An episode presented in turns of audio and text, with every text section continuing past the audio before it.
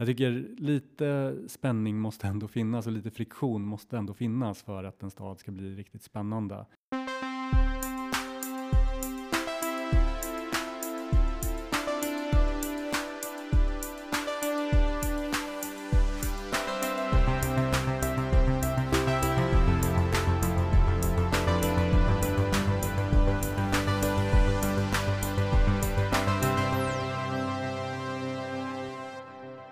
Lyssnar på ett nytt avsnitt av Heja Framtiden. Jag heter Christian von Essen. Sitter i min studio på Roslagsgatan i Stockholm. Och nu eh, här bredvid mig sitter Josef Konning. Välkommen hit. Tack så mycket. Vi ska prata lite om eh, framtidens städer och eh, hur stadsutvecklingen sker och hur, man, ja, hur synen på städer utvecklas också. Lite smått och gott. Kan inte du dra lite om din bakgrund och varför du ramlade in på just städer som som intresseområde? Så länge jag kan minnas egentligen har jag haft en eh, stark fascination för eh, städer och, och, haft en ganska stark dragning till, till stora städer. Och jag tror att det är någonting med energin och dynamiken i städer som, som alltid har lockat mig.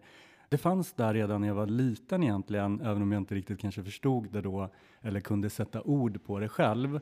Eh, men eh, jag är uppvuxen i en väldigt liten stad på landsbygden, en verkligen småstad på landsbygden med det tempo och det utbud och den kultur och mentalitet som, som finns i småstäder då så att säga. Och eh, min farmor bodde här i Stockholm inne i stan och vi var ju ofta där och hälsade på. Eh, och varje gång vi var här så kom jag ihåg att jag ja, fascinerades väldigt mycket av det jag såg på gatorna. Det var ett socialt liv, Eh, människor var ute fast det var mörkt, eh, vilket inte hände riktigt i den stad jag växte upp mm. i. Ja, det fanns ett liv helt enkelt i, i staden här som jag inte kanske riktigt hade sett då där jag växte upp. Det tror jag är liten bakgrund till det på något sätt. Och, och, Gnista. Ja, exakt. När jag sen läste på, på universitetet så pluggade jag kognitionsvetenskap. Det handlar ju egentligen inte om stadsutveckling eller stadsplanering eller arkitektur. Men eh, Eh, Eh, man tittar ju väldigt mycket på, bland annat inom den tvärvetenskapliga disciplinen då, hur eh, människor förhåller sig till och fungerar i komplexa system. Vad är väl en stad om inte ett komplext system, eh, så att säga. Det här intresset fanns ju hela tiden parallellt eh, intresset för städer, så att vid sidan av det så har jag ju kanske då mer som fritidsintresse läst mycket av de stora tänkarna och eh, skaparna inom eh, området, eh, allt från Jane Jacobs och Jan Gehl och framåt. Så att det har ju alltid funnits med mig på något sätt och jag har kunnat syntetisera min utbildning med, med eh, just den här typen av frågor. Då, så att säga.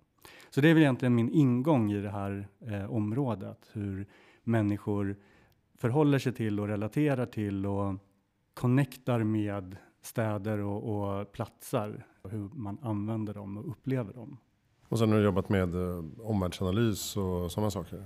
Precis, efter min utbildning och så, där, så har jag jobbat med, med lite olika saker, men mycket eh, marknadsinsikter och, och trendanalyser eh, och omvärldsanalyser, eh, strategiutveckling inom alla möjliga områden egentligen, inte bara stadsutveckling och, och platsutveckling, utan eh, jag har en bakgrund som generalist, eh, verkligen då, men så småningom så gick det inte att hålla sig ifrån eh, eh, stads och platsutveckling. Eh, så att, ja, på senare tid har jag framförallt jobbat med, med den typen av frågor.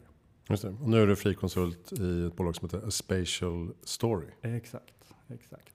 Spatial berättelse. Ja, Platsberättelse. Att, ja, men exakt. Jag, jag använder storytelling väldigt mycket i mitt arbete och, och, det handlar väldigt mycket om att skapa berättelser om platser både som ett sätt att förstå människors relation till platsen men också såklart att utforma visioner och koncept och strategier. Berättandet och berättelser eh, och storytelling då som angreppssätt eller process. Ja, det är en bra metod helt enkelt för det. Mm. Och hur jobbar du idag då som konsult? Vad är det för typ av kunder och uppdrag som eh, du kan eh, ramla på?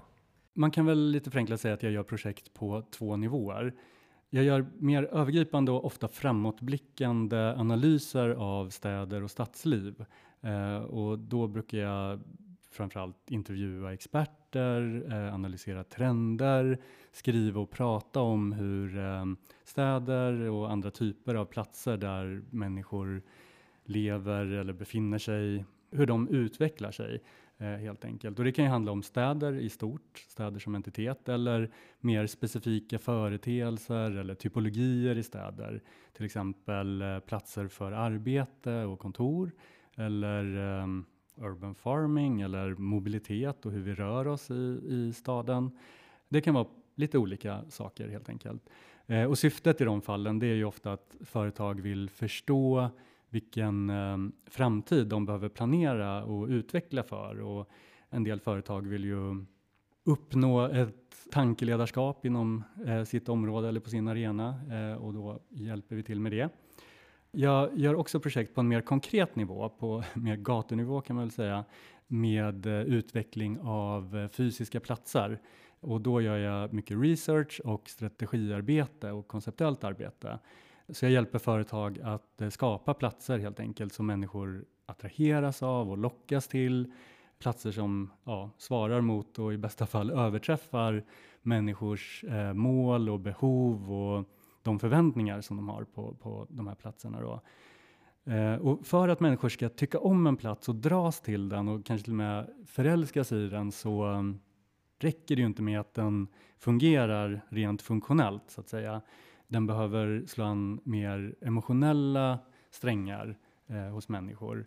Jag vill ju inte att människor ska ha en, så att säga out of sight, out of mind relation till platser så att de bara tänker på dem när de är där eh, och sen glömmer de bort dem. Utan jag vill ju att, att det är platser de verkligen ska connecta med och, och, skapa en relation till. Och om man bara svarar mot de här funktionella behoven då så, så riskerar man ju att, att, få en plats som man bara besöker när man måste av ett specifikt, en specifik anledning. Eh, att man ska handla någonting till exempel. Eh, men om man då känner starkt för en plats så, så kan det uppstå en mycket närmare relation och en starkare connection helt enkelt. Så jag jobbar mycket med att, att skapa identiteter för platser då så att säga som människor kan känna igen sig i och relatera till och, och lockas av och, och aspirera till eh, så att säga. Och eh, sen att, att eh, också omsätta identiteterna i det fysiska rummet. Hur eh, den här spatiala identiteten så att säga ska manifesteras i det fysiska rummet både genom innehållet där och, och eh, även hur platsen gestaltas. Eh, så jag jobbar med, med, platser på alla skalor kan man säga, från hela områden och, och kvarter till specifika byggnader och rum för arbete, shopping, kultur, nöje, boende och så vidare. Städer är ju eh, en viktig del av vår utveckling och eh, urbaniseringen fortsätter ju liksom eh, explodera. Det kommer ju krävas att städerna så att säga driver omställningen på många sätt. Eftersom det är där folk kommer vistas och bo. Till och med WWF jobbar ju mer med städer nu än med eh, ren natur så att säga. För att det är där det händer. Eh, så är det också det att det är här vi verkligen kan göra stor skillnad i resursfördelning och eh, hållbarhet och digitalisering. Ja men precis, städer är ju väldigt eh, kraftfulla och eh, det är många forskare, entreprenörer, politiker, organisationer som du nämner som, som pekar på just det här. Och, och, det finns en kraft i städer som jag tror hänger ihop med att, att städer har alltid kunnat vara mer pragmatiska eh, än till exempel nationer. Och politiska ledare och ledare överhuvudtaget som, som verkar på den skalan och, och på den nivån eh, statsnivån så att säga, är ofta mindre upptagna med att eh, ägna sig åt eh, politiska positioneringar. Man kan arbeta mer handgripligt och konkret och, och, effektivt egentligen med att hitta bästa möjliga lösningarna på de problem som man har framför sig. Och det finns en konstruktivitet där som kanske inte riktigt finns på, på nationell nivå då, eller eh, högre nivåer. Det finns en, en amerikansk forskare, statsvetare som eh, ja, tyvärr gick bort nyligen, men, men eh, Benjamin Barber som var ganska tidigt ute med att beskriva det här. Han skrev en bok som heter eh, If Mayors Rule the World och eh, han beskrev just den här pragmatismen eh, som finns eh, bland borgmästare. Till exempel så är det vanligt bland borgmästare att man byter politiskt parti för att man ser att det finns bättre möjligheter till att faktiskt lösa praktiska problem Eh, med en annan politik och då man lägger prestige och så bakom sig eller åt, åt sidan för att kunna just hantera de praktiska problem man, man står inför och kunna vara mer pragmatisk i, i, hur man arbetar. Ja, en annan forskare, Bruce Katz, som har skrivit eh, också om den här typen av, eh, eller den här nya dynamiken egentligen kan man väl säga i The New Localism, att både inflytande och eh, olika förmågor tricklar ner eh, från eh, nationell nivå till, till städerna då och eh, man kan vara mer snabbrörlig, mer pragmatisk och, och åstadkomma betydligt större förändring på den nivån. Mm. Ja, jag, jag, jag hävdar det också att eh, nationerna tappar ju lite i, i makt mot, gentemot städerna och att, och att städerna kan gå fortare fram och kan samarbeta över gränserna med i nätverk och kluster. Exakt, och det, det, är också en viktig aspekt att det är lättare ofta för städer att hitta globala samarbeten än vad det är för nationer, just för att nationer måste förhålla sig till olika politiska aspekter som städer faktiskt inte riktigt behöver hantera. Så att även där så, så de här, det här nätverksbildandet fungerar bättre på stadsnivån också. Eh, och det är en viktig förutsättning för att hitta lösningar på globala utmaningar eftersom många av våra stora utmaningar nu är just globala. Samtidigt så förstår jag som att du tycker att det här binära synsättet mellan stad och landsbygd blir lite för eh, svartvitt. Och att man eh, skulle vilja sudda ut det där lite grann. Hur, hur ja, menar du då? Jo, men exakt. Jag, jag tycker eh, att överhuvudtaget när man pratar om stadsutveckling och, och städer så jag har stött på ett synsätt som präglas lite av just ja, en binär syn eller ett binärt förhållningssätt. Eh, och jag, jag, tänker att städer behöver ofta vara mer både och snarare än antingen eller. Eh, och vad gäller just stad-landsbygdsdimensionen så upplever jag att städer kommer att, jag tror verkligen att städer kommer att fortsätta bli större och tätare eh, och fler människor kommer att, att flytta flytta till städerna. Men samtidigt tror jag att eh, städer kommer att i högre grad präglas av olika uttryck och kvaliteter som vi kanske traditionellt har förknippat med landsbygd. Då, eh, så att säga. Jag tror till exempel att även om, om fler människor kommer bo i städer så, och, och, att städer kommer att, att bli tätare så kommer vi också att ha mer grönska och natur. Natur kommer att bli en viktigare komponent eh, i stadsbilden, stadsmiljön. Vi har ju till exempel sett ganska länge nu en stark trend med gröna taklandskap, gröna fasader, urban farming, mikroparker och mikroskogar eh, i urbana landskap. Eh, och, och, det tror jag kommer att öka. Det innebär att städer både blir större och tätare och mer urbana på något sätt, men samtidigt också mer präglade av just uttryck och kvaliteter som vi har förknippat med, med landsbygd. Då, kanske. En annan del i det tycker jag är att en stor trend nu inom stadsutveckling är ju det här med 15 minuters staden. Och många städer, många större städer tittar på hur man kan ställa om till den typen av stadsbild. Och eh, det handlar ju egentligen om att alla funktioner och, och alla in, allt innehåll man behöver för vardagligt liv ska finnas inom en kort promenad eller kort cykeltur så att säga.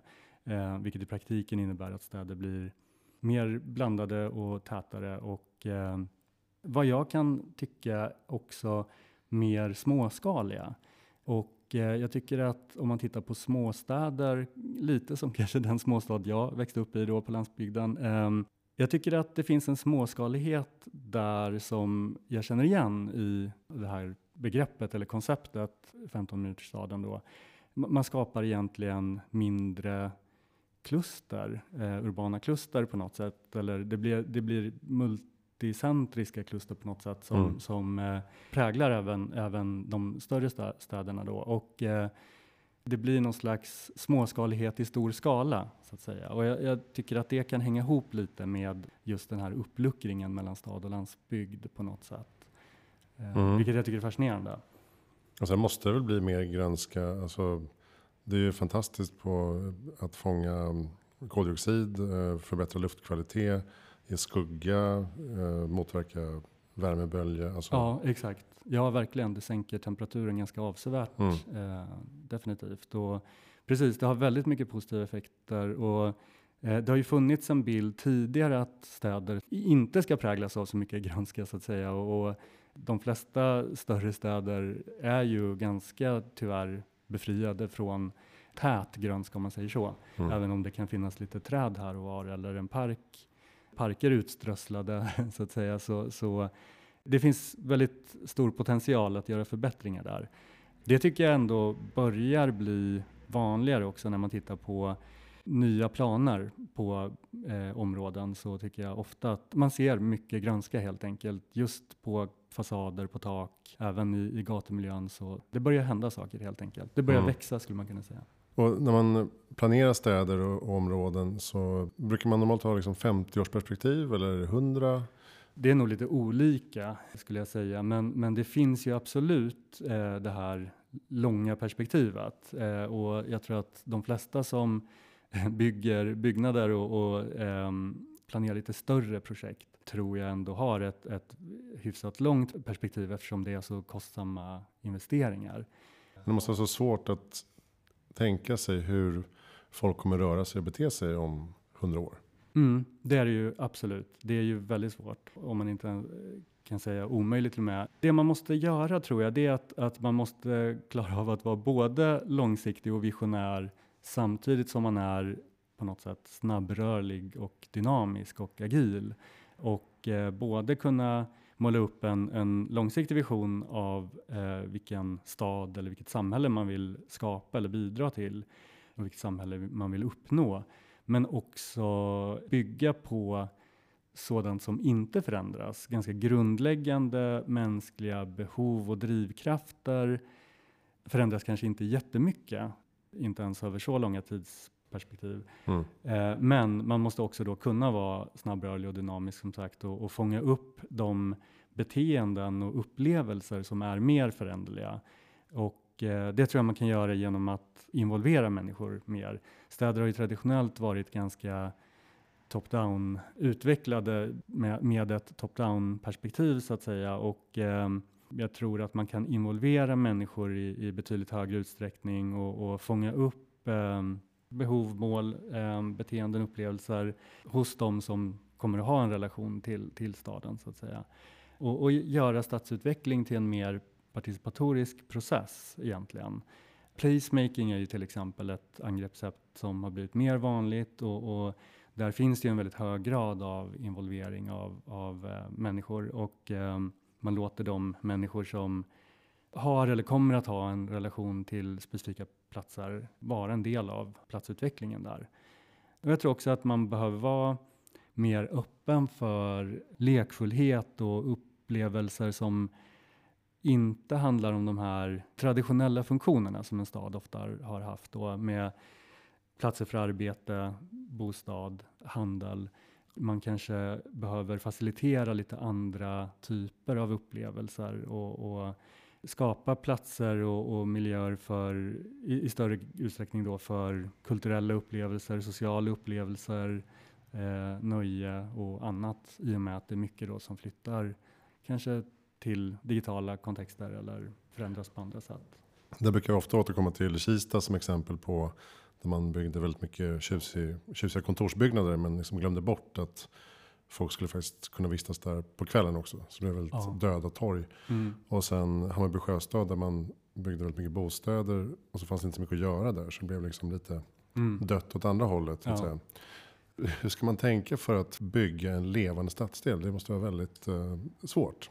Ja, jo men det är det ju eh, verkligen. Men jag, jag, tror att en sak som är viktig där är ju blandning. Just eh, du nämner Hammarby sjöstad som exempel. Där tror jag också en eh, anledning eller en del i det hela var att man planerade framförallt den stadsdelen för, eh, eller det området för, för eh, en grupp människor och så var det en annan grupp människor som sen i slutändan flyttade dit. Mhm. Eh, jag tror att det var tänkt framförallt för människor som var lite äldre och hade barn som hade flyttat hemifrån och så. Och eh, därför var det från början inte några förskolor till exempel i det området. Sen de som faktiskt flyttade dit eh, hade ju väldigt stora behov av förskolor Ja. eh, visade det sig. Och det där, det, det tycker jag ändå är ett bra exempel på någonting att det går ju alltid att liksom planera saker på bra sätt. Men sen så när verkligheten händer på något sätt så, så blir det ofta på andra sätt och då kan man ju ha gått fel helt enkelt i, i hur man har tänkt. Och det där, den risken finns ju alltid, den kan man ju aldrig bli av med. Så att därför tror jag att det är bra att eh, man måste bygga in någon slags flexibilitet, eh, tror jag. Så att det går att ställa om. Jag tror också att det är bra att, att blanda så mycket som möjligt. Så att man inte tänker att ett helt område ska ha framförallt en funktion eller en, en målgrupp eller passa ett syfte utan att, att man tänker mer blandat och eh, försöker åstadkomma mer diversifierade områden eh, just för att de blir mer flexibla över tid då. Mm, det där kan jag tänka har mycket med lagstiftning och byråkrati att Mm. göra. Att det finns liksom markanvisningar och det finns, eh, här ska det vara en kommersiell fastighet, det ska inte vara några bostäder. Här borta ska det bara vara bostäder. Mm. Och, så, och de får liksom aldrig mötas. Eh, Exakt, Det är ja. väldigt krångligt. Här Ja. får det inte vara restaurang. För det finns inte liksom, fettavskiljare och ventilationssystem. Just Det det. här får bara vara en butik, här får bara Mm. vara ett café. Eh, Det där måste ju på något sätt luckras upp tycker jag. Mm. För att få lite mer dynamik i det. Ja, men jag håller med och jag, jag har hört exempel om eh, fastighetsbolag in i, eh, som, som har stora bestånd in i centrala Stockholm till exempel som har velat bygga bostäder men som inte har fått tillåtelse till det. Och de har ändå velat bidra till en mer blandad stad. Eh, vilket jag tror är positivt då så att säga. Och, och jag tycker att det är väldigt synd att det inte gick att få till det. Men där tror jag att det fanns just regler eh, som är uppsatta av, av kommunen helt enkelt. Och eh, då ja, fick man förhålla sig till det då. Jag tror att det är en hel del byråkrati och en del regelverk som skulle kunna förändras eh, för att luckra upp det, definitivt. Det tror jag. En annan komponent i att, att eh, skapa stadsmiljöer som, som kan leva länge tror jag är att eh, skapa mer inkluderande städer där fler människor kan ja, leva, verka och känna sig hemma. Eh, och jag tror att vi behöver motverka den väldigt starka gentrifiering och kommodifiering av, av städer som har skett eh, och till, som har tillåtits ske också under ganska lång tid eh, nu då. Eh, där städer har blivit en handelsvara eh, som aktörer kan köpa upp men inte egentligen bry sig om så mycket så att vi får mycket döda stadsdelar som, som eh, bryter ner eh, stadslivet eh, skulle jag säga. Och ja, den gentrifiering som också tränger bort många människor från, ehm, från städer och, och som gör städer väldigt eh, homogena och, och i slutändan, mm, slutändan mindre levande är också ett problem som jag tror eh, kommer så att säga, vad ska man säga, korta livslängden på, på eh, städer egentligen. Eh, och det finns ju också ett motstånd, upplever jag, mot eh, utveckling, att, att städer får växa och utvecklas. Eh, man pratar ju om nimbyism till exempel. Ehm, Not in my backyard. Precis. Eh, och det är en väldigt stark kraft, eh, till exempel i Stockholm. Och, eh, ehm, det är en kraft som jag tror faktiskt håller tillbaka utvecklingen här ehm, väldigt mycket. Och, eh, jag tror att Stockholm skulle behöva växa och eh, det finns ju generellt en större efterfrågan på stadsmiljö än vad, vad det finns utbud av det så att säga. Och eh, det tror jag är ehm, den balansen behöver justeras på något sätt. Så att vi behöver skapa mer utbud, ett större utbud av stad eh, eftersom det är så pass många som eh, söker sig till ett urbant liv. Ehm, så där, det tror jag också är viktiga eh, komponenter för att, att eh, göra Eh, eller för att städer ska kunna leva längre. Du var inne på den här flexibiliteten och anpassningsförmågan. Eh, man pratar ju ofta nu om resiliens och så här. Är det det du liksom lägger i det begreppet? Alltså motståndskraft, det kan ju vara mot klimatförändringar till exempel. Och så anpassningsförmåga och eh, lärande och utveckling och så här. Är det så man måste tänka nu mer och mer framöver tror du? Jag tror absolut att, att man behöver tänka på att eh, utveckla städer för, eh, för, att, för, en sån motstånds, för att ha en sån motståndskraft så att säga. Egentligen tror jag väl på att man ska bygga städer så att människor uppmuntras och stöds i att, att göra bra val och ha bra beteenden. Att till exempel gå eller cykla istället för att åka bil eh, eller resa kollektivt istället för att åka bil till exempel. Eh, eftersom det är bra för både miljön eh, och för ehm, ja, folkhälsan helt enkelt. Eh, och, och, där finns det ju ganska grundläggande saker man kan göra och, och, många exempel på städer som har gjort det på bra sätt och sett positiva effekter av det. Många av de sakerna som man kan göra är ju så att säga proaktiva i något avseende då. Men det finns ju också mer reaktiva former av motståndskraft i urbana miljöer som man också kan bygga in i, i städer. Och ett exempel på det är ju till exempel Bjarke Ingels dryline som det kallas på Manhattan då. Efter stormen Sandy så, ja, som förde med sig väldigt mycket skador och, och så i och med översvämningar så har man byggt, eller håller på att bygga tror jag, den är inte färdig, men och jag tror att den håller på att byggas nu. Eh, men det är en kuperad park kan man säga som sträcker sig eh, längs hela kustlinjen på södra Manhattan och eh, den kan stå emot vattenhöjningar och även absorbera och föra bort vatten vid behov. Då. Och när det inte är den typen av krisläge så, så fyller den en jätteviktig funktion eh, för att det är en väldigt, väldigt härlig parkmiljö där människor kan hänga och motionera eller bara använda så att säga. Den typen av lösningar tror jag också kan bli allt viktigare i framtiden. Att, att um, man skapar miljöer som har en funktion i vanliga när läget är som vanligt så att säga, men som kanske då fyller en viktig funktion just när, när kriser uppstår. För det är ju någonting som vi tyvärr måste förbereda oss på mer. Kraftig nederbörd eh, kommer vi se mer av och det, det, måste ju till bättre system för vattenavledning. Det är ju uppenbart. Mm. Du inledde med uh, lite prata om storytelling. Mm. Jag kan tycka att det saknas ibland när man försöker beskriva vad man vill.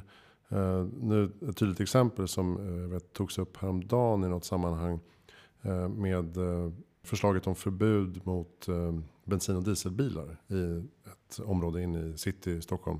Och då bildsätts det med liksom ett däck med rött kryss över ungefär. Mm. Nu blir det förbjudet och intervjua folk som tycker att det här är förjävligt. Istället för att visa upp en vision av vart det är vi ska. Vad är det för stadsmiljö vi vill ha. Mm. Även tycker jag med eh, självkörande bilar så kan man också, och delade, eh, delad mobilitet och sådär. Mm. Så kan man också visa på att här kan vi ha fler gågator, vi kan ha mer grönska, vi kan ha mer nöjen och en, en stad för människor helt enkelt istället för ja, en stad det. för bilar. Ja, eh, Men det, det, är ganska svårt att, eller det verkar svårt att liksom visualisera det där och kommunicera det.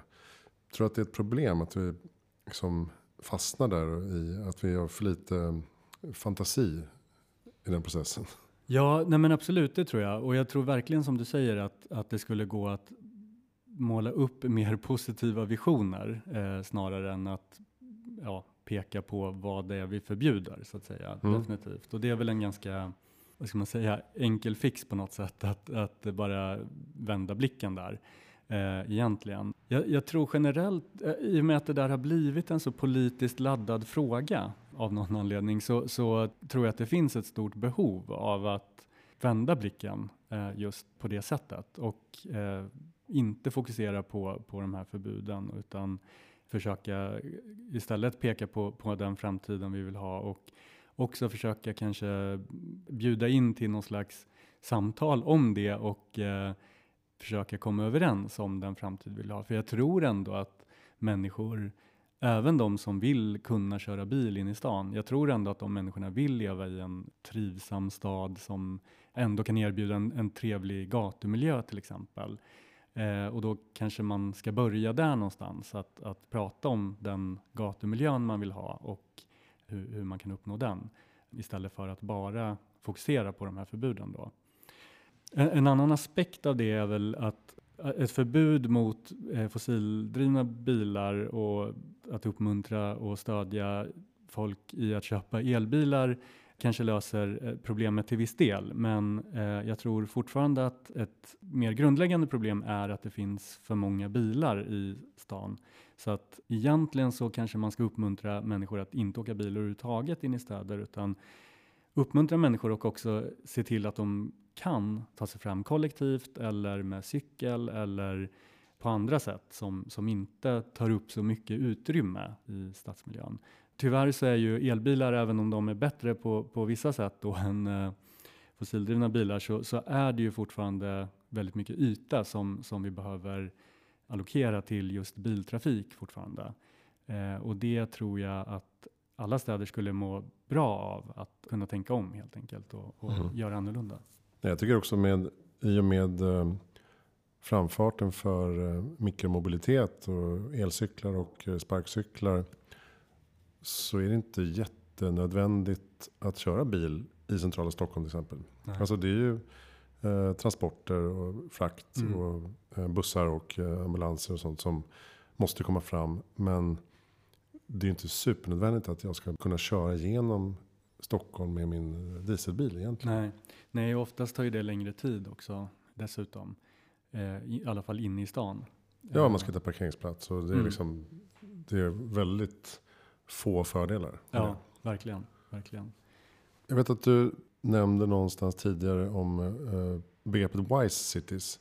Och jag tolkar det som i, i relation till smart cities. Som man pratar mycket med 5G och eh, uppkopplade städer som är smarta och drivs med AI och så vidare. Vad är wise cities i relation till det? Ja, eh, och, och, det är ju absolut inte mitt begrepp eller så, så att säga. Men, men jag, jag använder det just för att jag tycker precis som du säger, att smart har varit väldigt tätt förknippat med just uppkopplad och eh, oavsett vad man pratar om egentligen, smarta telefoner eller klockor eller mm. ja, vad det än må vara, så, så handlar det ju väldigt mycket om den tekniska dimensionen och eh, jag tror att WISE som begrepp, WISE City som begrepp uppstod lite som reaktion på det då, att man ville få in andra perspektiv i det också.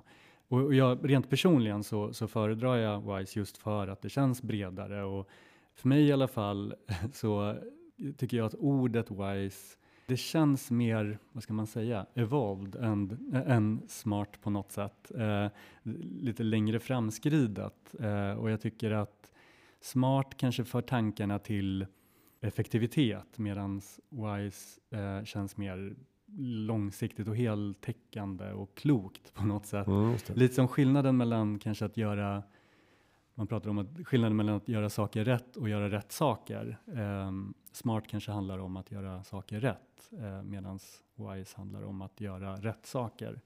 Det är väl en eh, tolkningsfråga och, och, eh, man kan använda orden på lite olika sätt och, och, man får väl vara tydlig med vad man menar i alla fall. Men jag, jag förknippar nog smart fortfarande lite med uppkopplad just. Mm. Nej, men det känns som att du eh, menar att vi har glömt bort lite de sociala och kulturella bitarna av stadsutveckling och Exakt. fokuserat lite för mycket på de eh, tekniska. Ja, just i alla fall i diskussioner om, om smarta städer så upplever jag att vi har kanske tappat bort syftet med det eh, lite grann. Eller jag upplever i vissa samtal och, och, diskussioner om just smarta städer så blir det ett väldigt tekniskt fokus utan att vi har i åtanke då de övergripande mål och syften som tekniken på något sätt ska hjälpa oss uppnå. Det, det är väl ganska vanligt tror jag generellt när det gäller tänkande om framtiden att man det är ganska lätt att, att fokusera på de tekniska aspekterna och, och, lite svårare ibland att fånga upp de sociala eller kulturella eller andra skiften som, som finns och som påverkar.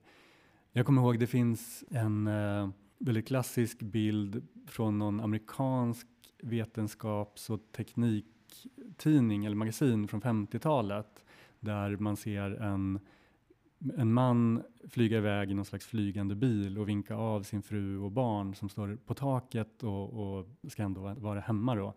Där var det ju väldigt tydligt att, att eh, i den här framtidsvisionen så extrapolerar man på något sätt den tekniska utvecklingen att ja, vi har bilar idag och i framtiden kommer de säkert att flyga.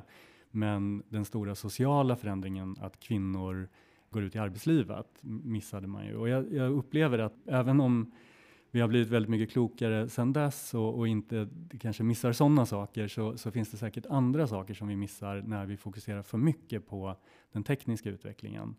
Men, men jag tror att det har varit en, en ganska vanlig, traditionellt sett i, i just framtidstänkande, ett vanligt fenomen. Mm.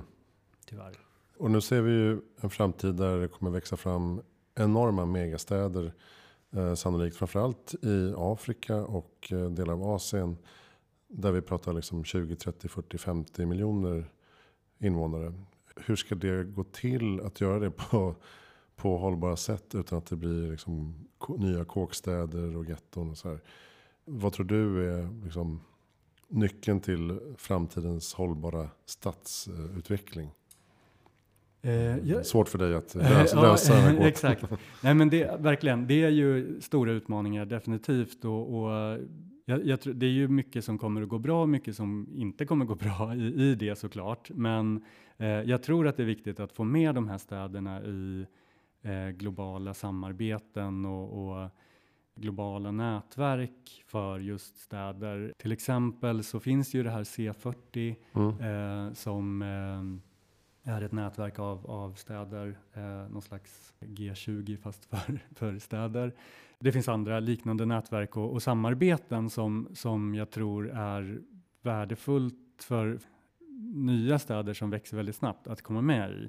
För att det finns väldigt mycket kunskap och erfarenheter som man kan dra nytta av. Det är viktigt att eh, försöka ja, men dela de kunskaper och, och um, erfarenheter som vi har och, och, försöka undvika att göra samma misstag igen som vi har gjort tidigare såklart. Eh, samtidigt så förstår jag ju att det är svårt politiskt. Det finns ju ofta hos alla en vilja att göra saker på sitt sätt och, och om man tittar på företag så brukar ju där brukar det ofta funka på det sättet att alla gör lite samma misstag för att man inte kanske lär sig så mycket av varandra som man borde och det samma, samma dynamik tror jag gäller lite för städer. Att det finns just den viljan att göra saker på sitt eget sätt. Mm. Men äh, ja, det, det viktiga är väl att försöka i alla fall att, att äh, fånga upp dem och äh, ja. Men det känns som att nätverk som C40 man kan dela best practice ganska snabbt. Mm. Och så, här, ja, men så här gjorde man i Amsterdam. Ja, mm. men det, det, kan vi faktiskt prova på li, liten skala Exakt. och se hur det funkar. Exakt. Och därmed kan accelerera fortare än, än vad nationerna kan göra. Och inte vänta på lagstiftning eller nya direktiv. Utan ja, men vi provar och ser vad som händer. Mm, exakt. Många av våra utmaningar som vi har är ju som sagt globala, så vi behöver verkligen tänka globalt och, och verka globalt. Och eh, det är också så att städer kan vara mer lika och ha mer gemensamt än de respektive länder som de ligger i. Så att det kan vara lättare för dem att connecta och hitta sätt att samarbeta mot de här gemensamma målen då. Eh, och nu finns det flera organisationer som bygger på just den insikten och som tar vara på den enorma kraften som finns i, i städer då och den kapacitet som finns i städer.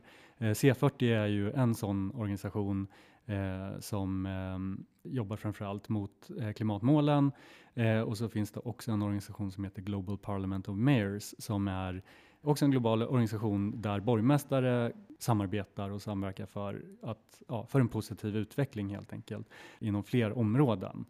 Den här typen av organisationer skapar ju så att säga gemensamma nätverk av resurser och kan dela kunskap och eh, erfarenheter och ja, även andra typer av resurser för att, att hitta gemensamma lösningar helt enkelt. Vad har du själv för eh, favoritstäder om du får välja? Ja, det finns ju så otroligt många städer som jag skulle kunna svara, men jag, om jag måste välja en så skulle jag nog ändå säga Tokyo. Jag tycker väldigt, väldigt mycket om den staden och det är ju en av världens största eh, städer, men jag tycker alltid att det känns så. Det finns en, en småskalighet och ett lugn i den staden så att det känns aldrig som att man är i, i en så otroligt stor stad egentligen, om man bara tittar omkring sig på gatan. Mm. Men allting finns ju där och eh, det är också en stad som är väldigt lätt att ta sig runt i. Även om man inte pratar japanska så är det ganska lätt att ta sig runt och det är en kultur som är väldigt hjälpsam och eh, det gör ju att, att det är lätt att trivas väldigt bra där, även som turist så att säga, eller tillfällig besökare. Mm. Och det är också en stad där jag tycker att man låter eh, en väldigt vad ska man säga, framåtblickande modernitet och, och någon slags uppskattning av high-tech samexistera med traditioner och historia eh, på ett väldigt fint sätt som skapar en väldigt härlig dynamik på något sätt också. Mm. Det tycker jag väldigt mycket om där. Jag har faktiskt inte varit i Tokyo. Um, jag bodde i Singapore och um, Penang i Malaysia under en period när jag pluggade. Mm. Då var vi mycket i, ja, dels Bangkok förstås. Mm. Det, det, förstod jag inte riktigt. Det var för kaotiskt. Mm. Singapore lite för städat. Mm. Välordnat. Mm. Uh, så att mellantinget där, Kuala Lumpur var mm. min, fa min favorit. Ja, där, just den här kombinationen av um, high-tech skyskrapor mm. och uh, gatuförsäljare uh, och mat. Och, uh, tre olika religioner som samexisterar. Och så det, det, det var verkligen min kopp te. Liksom. Mm. Ja, här jag, lite, lite kaotiska. Ja, ja men verkligen. Och jag, jag håller med om att Singapore, jag tycker mycket om Singapore, men det är ju väldigt tillrättalagt eh, allting och eh, det tar ju bort någon slags spänning eh, ändå. Mm. Eh, även om det är väldigt skönt ibland med att allting är välfungerande och sådär. Men eh, jag tycker lite spänning måste ändå finnas och lite friktion måste ändå finnas för att en stad ska bli riktigt spännande. Men och, ja, Kuala Lumpur tycker jag också mycket om, eh, verkligen. Jag brukar fråga, vad är ditt bästa tips för att göra världen bättre i framtiden? Ja, det är ju en stor fråga och just i de här tiderna så är det väl mycket som behöver bli bättre och göras bättre. Och det skulle vara lätt att prata om kanske att vara tolerant eller eh, snäll eller kon mer konstruktiv eh, såklart eh, i tider som dessa. Men eh, om jag ska hålla mig just till städer och stadsutveckling, eh, så mer specifikt, så tänker jag att vi, vi, behöver skapa mer inkluderande städer som vi var inne på tidigare och eh, där, städer där människor, där fler människor kan leva och verka och känna sig hemma. Och jag tror att vi verkligen behöver motverka de eh, negativa krafterna då som, som lite bryter ner det som ja, den gentrifieringen som sker och, och kommodifieringen av, av eh, städer. Det tror jag är väldigt viktigt just inom det området eh, helt enkelt. Sen som sagt, det finns ju väldigt mycket annat att förbättra i världen definitivt just nu. Mm.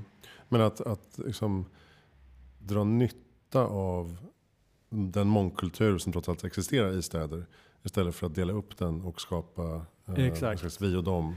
Precis, jag tror att, att vi, vi, vi kan kultivera en mångfald eh, i städer som skulle kunna vara en enorm styrka och tillgång för oss eh, på, på många sätt, kulturellt, ekonomiskt och, och, på andra sätt också.